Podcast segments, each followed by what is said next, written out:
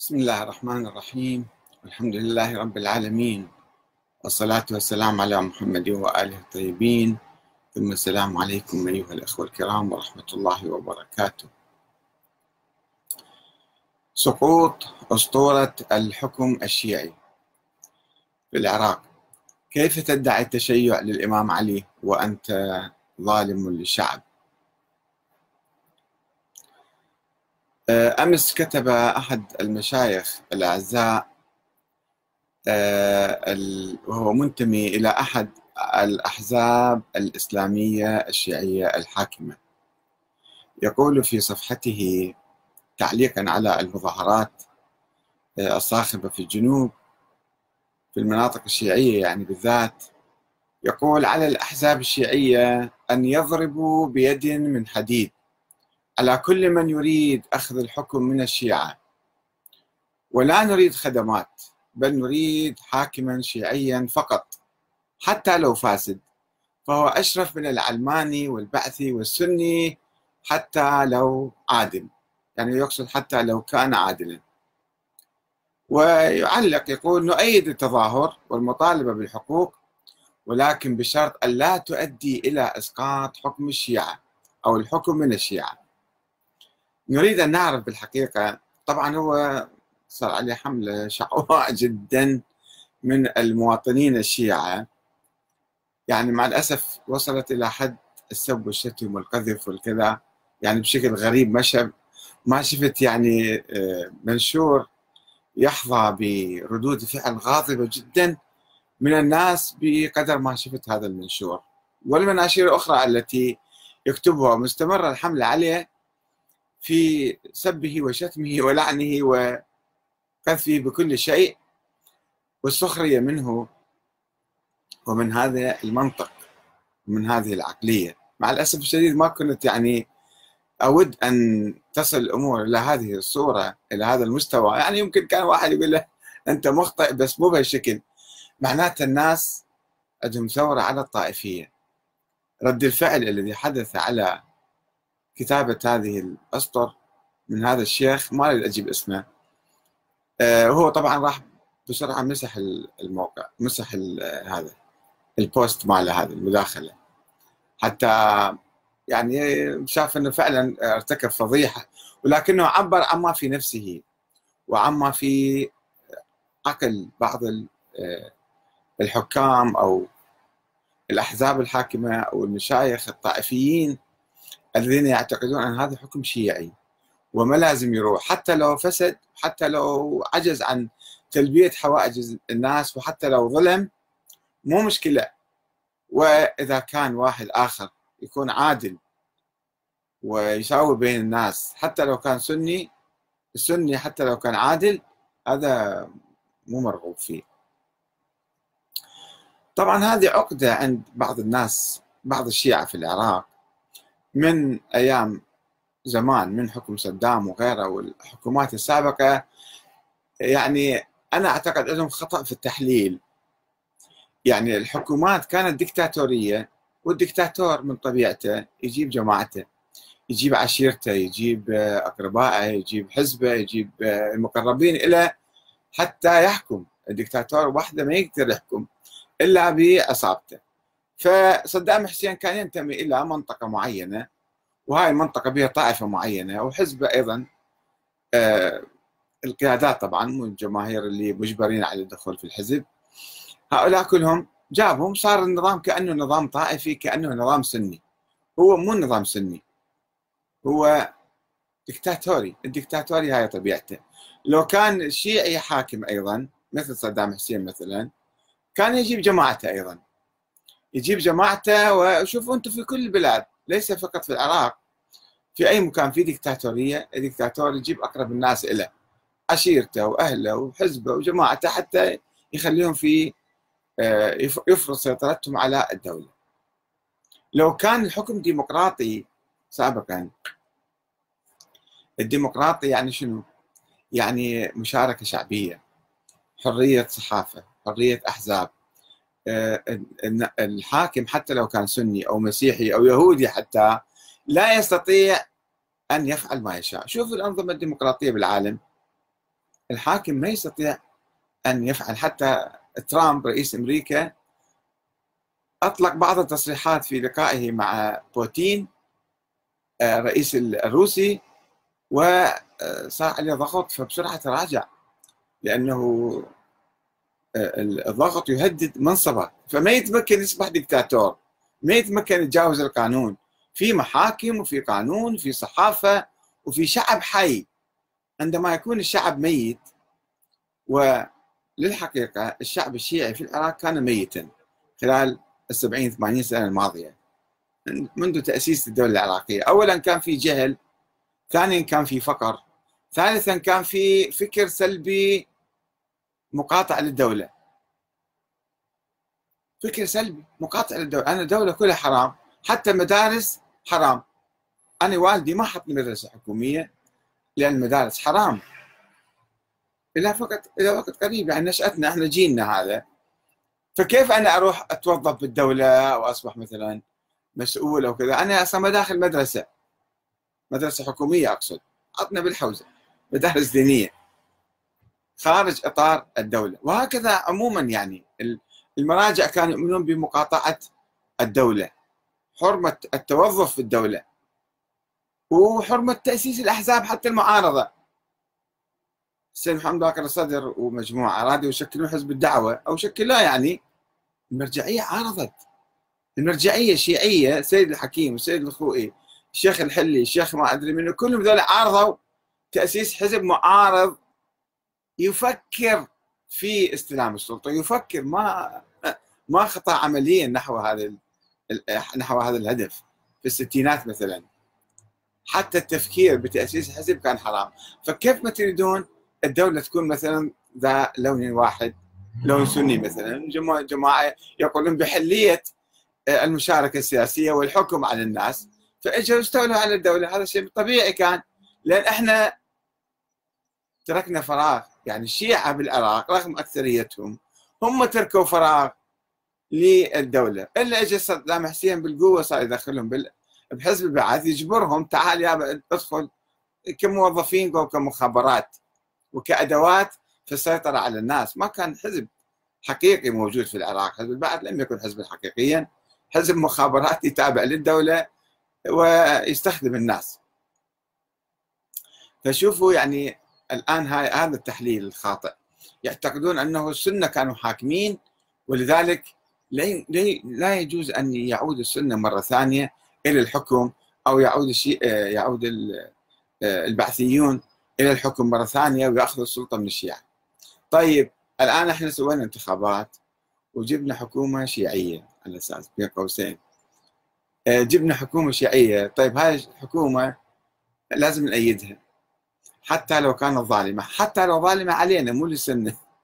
حتى لو ظالمة للشيعة ومهملة الشيعة وما مي نقي للشرب صالح للشرب ما توفر لهم وكهرباء ما تجيب لهم وتعليم ما تعطيهم وصحة أيضا ما تضمن لهم ولا تعمل لهم أي شيء. بس المهم الحاكم يكون شيعي. خلاص هذا هو إحنا ارتحنا. بعض الناس وخاصة بعض المشايخ الطائفيين بالحقيقة أنا أعتبرها نوع من الجهل. نوع من الجهل أن يعتبر هذا الحاكم شيعي وذاك الحاكم سني. والحاكم الشيعي هذا الدكتاتور الظالم الفاسد أفضل من الحاكم الشيعي. شوف العقلية الطائفية وين؟ وأنا ما أدري هذا الشيخ اللي كتب البوست هو يعبر عن حزبه ولا عن شخصه فقط هو. إن شاء الله يكون فقط هو ويتراجع. ويتراجع واذا الحزب كان وراء أيضا يؤمن بهذه النظرية فأرجو أن يعيد حساباته من جديد. و وطبعا أنا هنا أشكر الأخ هادي العامري اللي البارحة وقف وقفه شجاعة وقال نحن كنا مقصرين ونحن مسؤولون مسؤولون عن هذا التقصير وإن شاء الله راح نعوض هذا. البعض قال هذا يعني لا ينفع الندم. لا ينفع ليش لا؟ يعني إحنا على أول الطريق وهاي المظاهرات ما سقطت النظام ولا راح يسقط النظام الحاكم إنما قد شوية جرت إذن. وإذا ناس انتبهوا المسؤولون انتبهوا وفعلا بدأوا يعملون من جديد بحزم وقوة لمعالجة المشاكل فيمكن يرضى عليهم الشعب. وإذا عدلوا فالشعب راح يبقيهم وينتخبهم بالمرات القادمة. وإذا لا فقط فكروا بالفساد والظلم والنهب وكذا طبعا راح الشعب راح يعمل عليهم ثورة مرة ثانية. ونأمل أن هم يعون يغيروا من واقعهم يغيروا من قانون الانتخابات يغيروا من آه، النظام الدستوري النظام البرلماني الفاشل إلى النظام الرئاسي. يعملوا بجد من أجل إصلاح هذا النظام. حتى يخدم الشعب كل الشعب وليس الشيعة فقط. هم حكام من الخطأ أن نطلق عليهم هؤلاء شيعة أو سنة. حكام مدنيون هكذا يفترض فيهم وعندنا نظام مدني اسمه. النظام المدني يعني ما عندنا صفة هذا الشيء يعتقد ما له علاقة بمعتقداته التاريخية أو معتقداته الفلسفية وأنه هذا مثلا كيف يصلي أو كيف يصوم. ما له علاقة بالموضوع. حاكم انتخبه الشعب البرلمان وجابه حتى يحكم. وعنده برنامج عنده أهداف واجبات ومسؤوليات يجب أن آه، يطبقها ويلبيها. فهو ليس شيعيا وليس سنيا في الحقيقة. إذا ظلم أصبح لا يصبح شيعي. ولا علاقة له بأهل البيت ولا بالإمام علي ولا بالإمام الحسين. فمن الخطأ أن نصر على اعتبار هذا حاكم شيعي. نترك الشيخ ونشوف النظام هذا شيعي ولا مو شيعي؟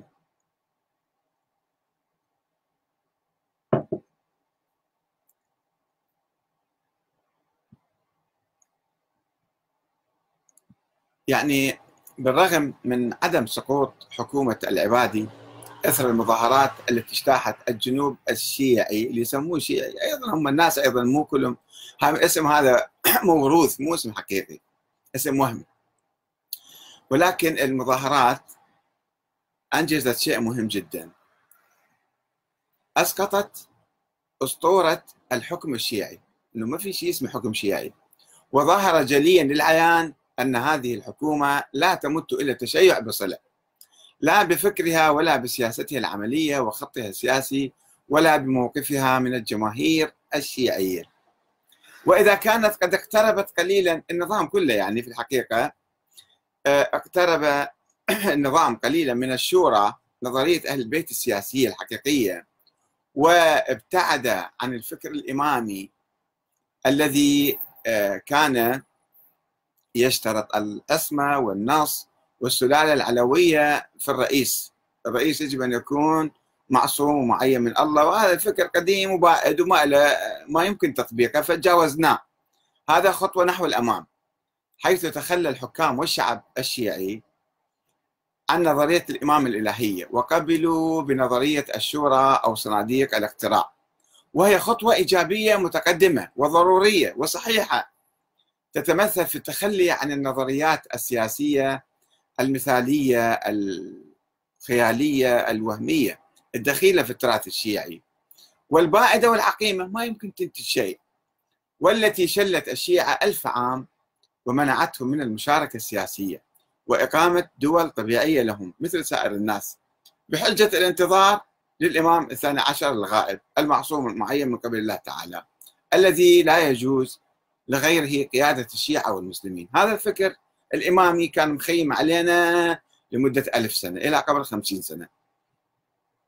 قبيل الثورة الإيرانية التي مزقت ذلك الفكر وجابت فكر جديد فكر ولاية الفقيه. ولكن السؤال أنه من حيث الشكل من حيث الأساس والمبدأ والنظام إحنا اقتربنا في الحقيقة من فكر أهل البيت اللي هم كانوا ينادون بالشورى. وما كانوا يدعون لا النص ولا الأسمى ولا أي شيء من القبيل. ولكن السؤال هل التزمت الطبقة الحاكمة المنتخبة التي تولت السلطة خلال الخمسة عشر عاما الماضية بجوهر التشيع. ما هو جوهر التشيع؟ المتمثل بالعدل والمساواة والصدق والأمانة وخدمة الناس والشورى الحقيقية. الديمقراطية الحقيقية مو الوهمية المزيفة مو الكاذبة. والمحافظة على الوحدة الإسلامية. هل التزمت هذه الطبقة بهذه المبادئ الشيعية الأساسية؟ أم اكتفت بالنهب والسلب والرشوة والفساد وابتعدت عن سياسة الإمام علي في التكشف والزهد في الدنيا واحترام القانون وحفظ حقوق المعارضة. لقد استغلت الطبقة السياسية الحاكمة مدعومة بالثقافة المرجعية الطائفية السلبية. استغلت الشعارات الطائفية لكي تقسم المجتمع العراقي مع الأسف الشديد. وتستفز الأخوة من أهل السنة. أنه إحنا الحكم إنه وما ننطي بعد. هذا الحكم للشيعة. عقلية طائفية ومفاهيم طائفية ما لها مصداق خارجي. وتمنع السنة من المشاركة المتساوية في تبوء المناصب الحكومية. يعني الديمقراطية تفترض من مبادئ الديمقراطية في كل العالم. المساواة أمام القانون للجميع. في تبوء المناصب وفي اختيار الحكام. كل الناس متساويين. الآن إحنا هاي التركيبة اللي سويناها نظام طائفي صار أنه لا هاي نظام المحاصصة نظام بريمر يسموه. أنه الحكم يكون للشيعة رئاسة الوزراء للشيعة أو لحزب معين. هسه الآن ما نتكلم عن الموضوع. وما يجوز يخرج. خط أحمر كما يقول عباس البياتي. خط أحمر ما يجوز أحد يجاوزه والمرجعية ما تقبل أن الحكم يروح من الشيعة. لازم الحكم يبقى بيد الشيعة. يا شيعة ويا حكم. وهذا صار نقض للديمقراطية. الديمقراطية تفترض المساواة. فليش أنتم احتكرتوا الحكم لكم والجماعة الباقيين؟ خلي يكونوا وزراء رئيس مجلس برلمان رئيس جمهورية وهمي. مو مشكلة بس الحكم الأساسي يكون بيد الشيعة. وذلك باحتكارها منصب رئاسة الوزراء.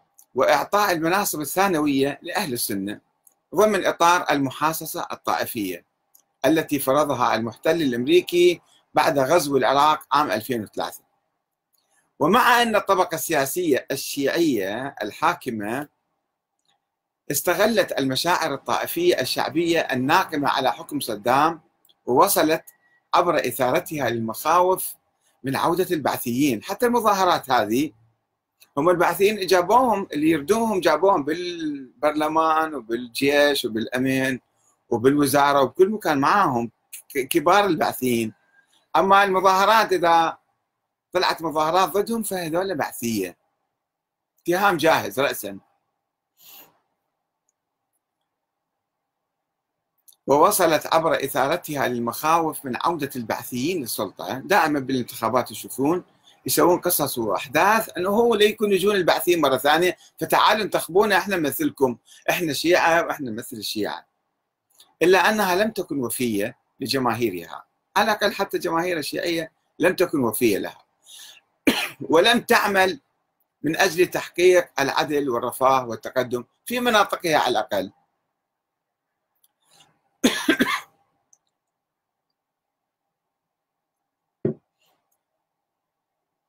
لقد كان النظام العراقي شيعيا بالاسم والوهم وليس في الحقيقة والواقع. فهو لم يكن إلا نموذجا. أنا أستثني بعض الناس الشرفاء ولكن بصورة عامة رسميا قانونيا قاموا يسرقون كل وزارة وكل وزير عنده هيئة اقتصادية وكل حزب عنده هيئة اقتصادية وأي مقاولة وأي يعني سرقة يجب أن تدخل إلى الهيئة الاقتصادية. ولا تعرفون تستثنون أحد؟ قولوا لي أنا ما أعرف حقيقة. فهو لم يكن إلا نموذجا للسرقة والفساد والاستغلال والطائفية والتبعية للمحتل والتخلف وبعبارة أخرى لا علاقة له بالشيعة والتشيع. إن التشيع الحقيقي هو السير على نهج الإمام علي بن أبي طالب في العدل والمساواة وتطبيق القانون وخدمة الناس. وإن التشيع الحقيقي لا يتجسد في الزيارات المليونية اللي يلهون بها الناس. والله 10 ملايين 15 مليون 20 مليون واحد راحوا زاروا قبر الإمام الفلاني. راحوا وإجوا نفس, الشيء مثل ما مثل ما راحوا وإجوا. ثم ماذا؟ شنو صار بعدين بحياتهم؟ خسروا ملايين الأموال وتعطلوا مئات الألوف من الموظفين. وراح وقتهم وراح جهدهم وراح يومية زيارة ورايحين وجايين به هذا هو التشيع يعني هذا اللي يريده أهل البيت من عندنا يريد نحن نزور قبورهم بشكل يعني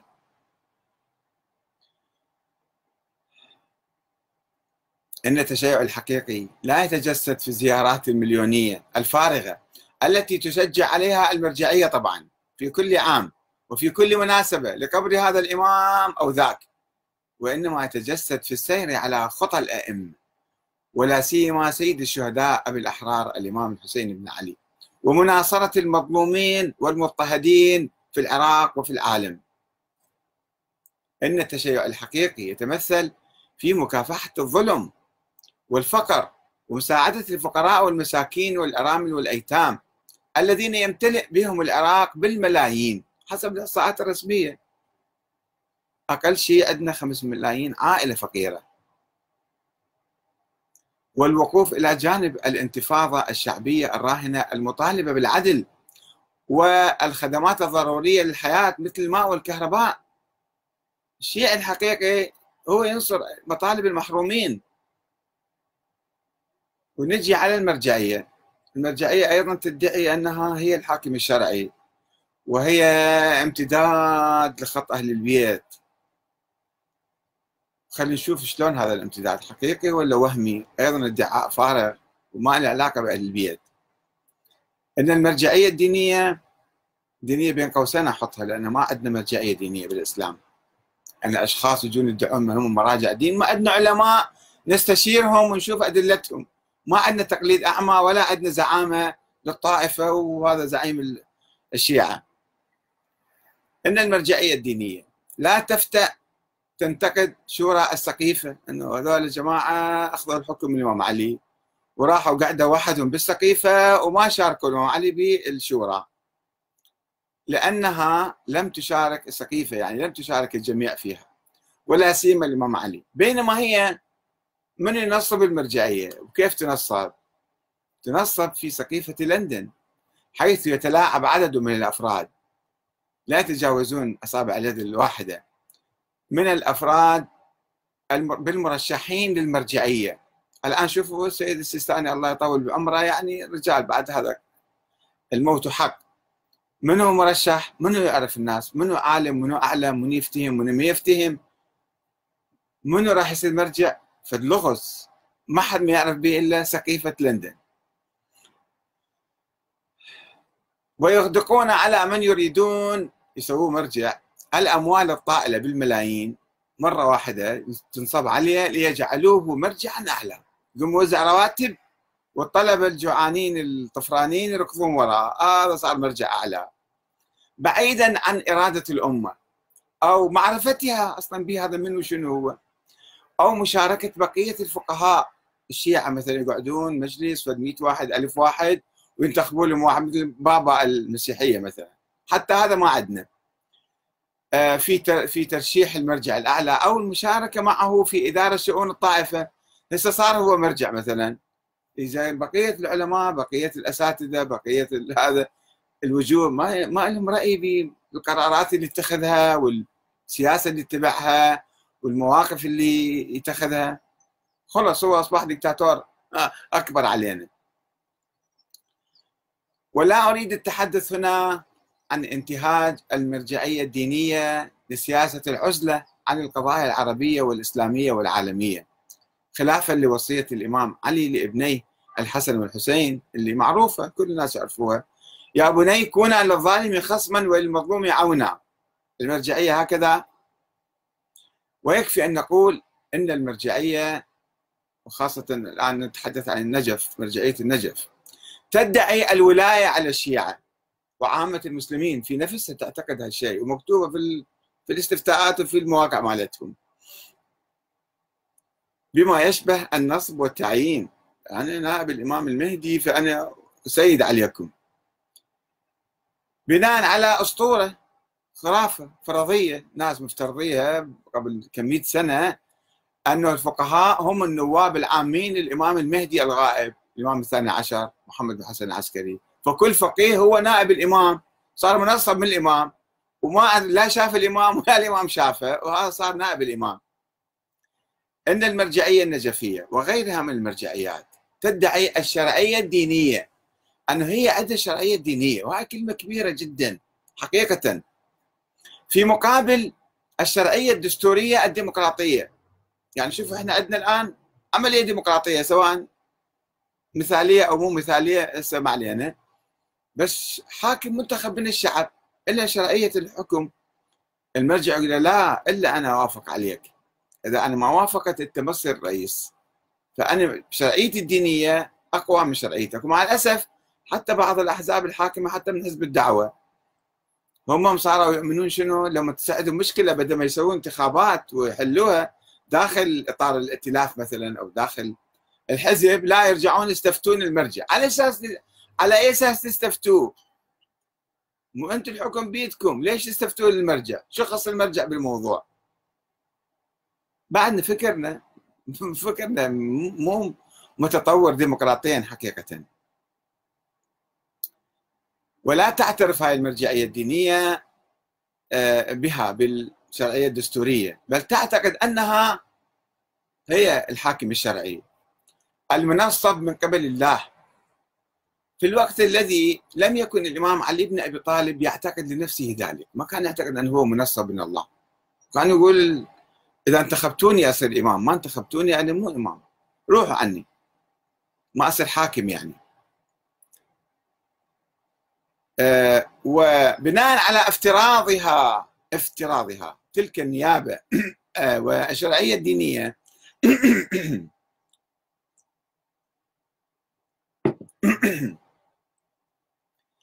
وبناء على افتراضها تلك النيابة والشرعية الدينية المزعومة تقوم المرجعية النجفية وغيرها أيضا بأخذ الخمس من الناس ومنح الغطاء الشرعي للحكومات المنتخبة أو المعينة أو المدعومة من قبل الاحتلال. ولا تقوم في نفس الوقت. وبناء على تلك الدعوة الزائفة النيابة العامة بمقاومة المحتل. بدعوى اختصاص الجهاد بالإمام الغائب. وعدم وجود نص خاص بالنيابة للفقهاء القيام بذلك. وقت اللي يردون هم نواب الإمام المهدي. وقت اللي ما يردون لا هم مو نواب هم ما عندهم إذن خاص بالموضوع. بدعوى اختصاص الجهاد بالإمام الغائب وعدم وجود نص خاص بالنيابة للفقهاء للقيام بذلك. أي أن المرجعية الدينية تفترض لنفسها الحق بالتدخل في بعض الشؤون العامة وتتقاعس وتنسحب وتتخلى عن مسؤولياتها وواجبها في بعض الأمور الهامة كما تشتهي مثل ما تريد مثل ما يعجبها. تصير مظاهرات ما يعجبها أن تأيد المظاهرات. مثلا خلاص مو مسؤولة. النظام فاسد مو مسؤوليتها تغير هذا النظام. لقد ادعت المرجعية والطبقة السياسية التي أفرزتها ورعتها خلال تأليف القوائم الانتخابية السابقة بأنها المرجعية ادعت والطبقة السياسية بأنها تمثل الجماهير الشيعية المظلومة والمسحوقة وتدافع عن حقوقها ولكنها خلال السنوات الماضية لم تقم بخدمة تلك الجماهير ولم تحل مشاكلها رغم صرف مئات المليارات من الدولارات فلم تحسن الكهرباء ولم توفر المياه الصالحة للشرب ولم تقدم الخدمة الصحية ولا التعليمية للناس ولم تنجح إلا بخلق المزيد من الأزمات فوق الأزمات. وآخرها يجيك شيخ طبعا مو هذا واحد هو تعرفون كم مرة تحدثنا شيوخ كبار في الحوزة وفي المرجعية يعتقدون أن الحاكم الشيعي حتى الخطيب على المنبر مرة قالها أيضا أن الحاكم الشيعي حتى لو كان فاسد وظالم مو مشكلة. هذا أفضل من الحاكم السني العادل. هاي العقلية الطائفية يجب أن إحنا نسوي ثورة عليها. ثورة فكرية ونفسية وعقلية على هذه العقلية المتحجرة الطائفية.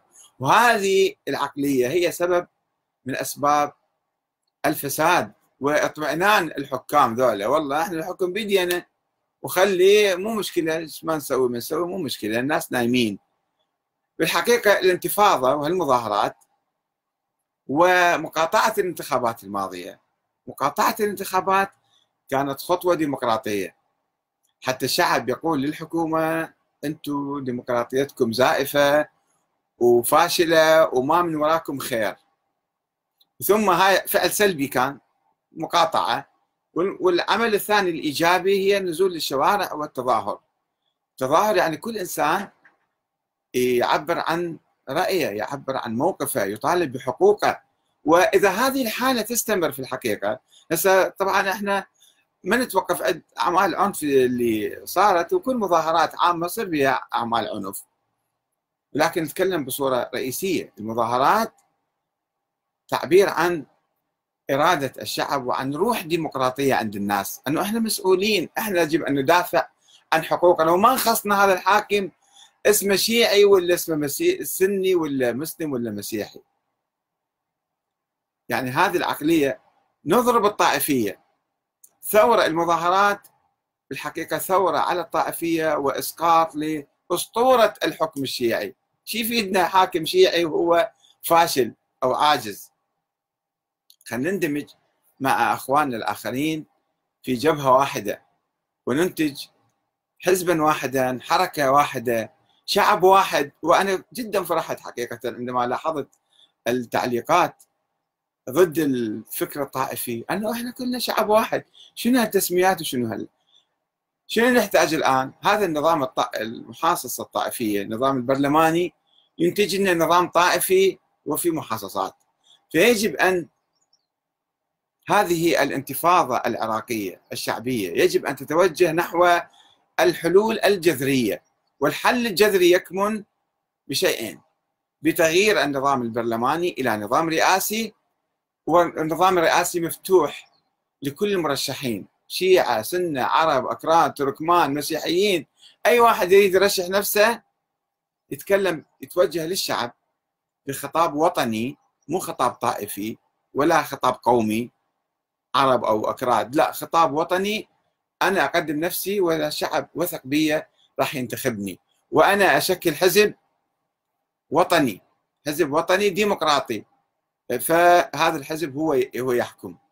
وأيضا عندنا مو دكتاتوريه مطلقة يعني الرئيس ما نخاف يتحول إلى دكتاتور مطلق إنما يكون في ظله برلمان حي وقوي. وهذا البرلمان مو خاضع مو تابع إلى رؤساء القوائم والأحزاب. مثل العبيد لهذا رئيس الحزب. إنما يكون نائب يكون حر. كيف يكون النائب حر؟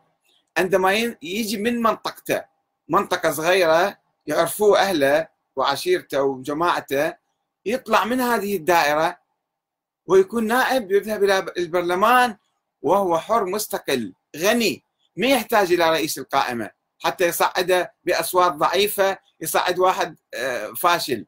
كما حدث في الانتخابات الأخيرة أيضا وفي الانتخابات السابقة. وإذا استمر هذا قانون الانتخابات أيضا سوف يحدث ذلك في المستقبل. فلا بد أن نغير هذا القانون إلى دوائر ضيقة. يعني عندنا 328 نائب 328 دائرة يجب أن تكون عندنا. كل منطقة بمنطقتها. كل محلة كل ناحية كل قرية كل مدينة في كل مدينة حتى تتقسم الدوائر. هذا النظام معمول في بريطانيا أيضا. وفي كل الدول الديمقراطية. حتى النائب يصعد بزوده اولا ويكون حر ومستقل وما يحتاج من نية أحد عليه وما يكون تابع. رئيس القائمة شي يقول؟ حتى لو كان خارج البرلمان. شفنا يعني رؤساء قوائم خارج البرلمان الأعضاء اللي بالبرلمان يتخذون قرار معين وتجيهم التعليمات من برا لا بطلوا لا تروحوا منا تعالوا منا أوقفوا مشوا يعني صاروا عبيد.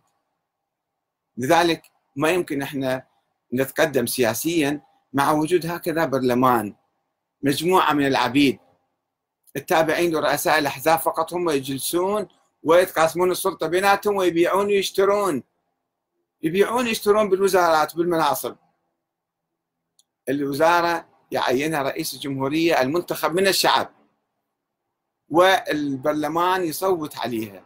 إذا عنده اعتراض يعترض. مو هو يبيع ويشتري. هكذا يمكن يكون عندنا نظام قوي يحل مشاكلنا. حل جذري. مو اليوم مثلا والله راح نجيب لكم محطات كهربائية. راح نجيب لكم مثلا مصافي المي هذا ما يكفي فقط. النظام فاسد. فساد أكبر من ذلك.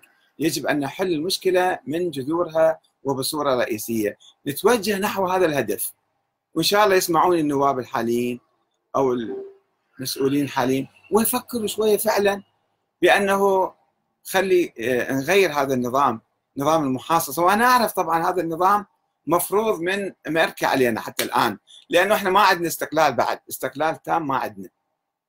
عندنا هيمنة أمريكية على نظامنا السياسي وما يسمحون لنا نغير بس مو مو بإيدهم كل شيء.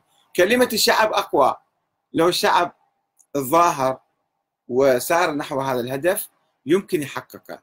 يمكن أول شيء لازم يجب أن نأخذ استقلالنا التام الناجز ثم نبني نظامنا الديمقراطي الذي نريد.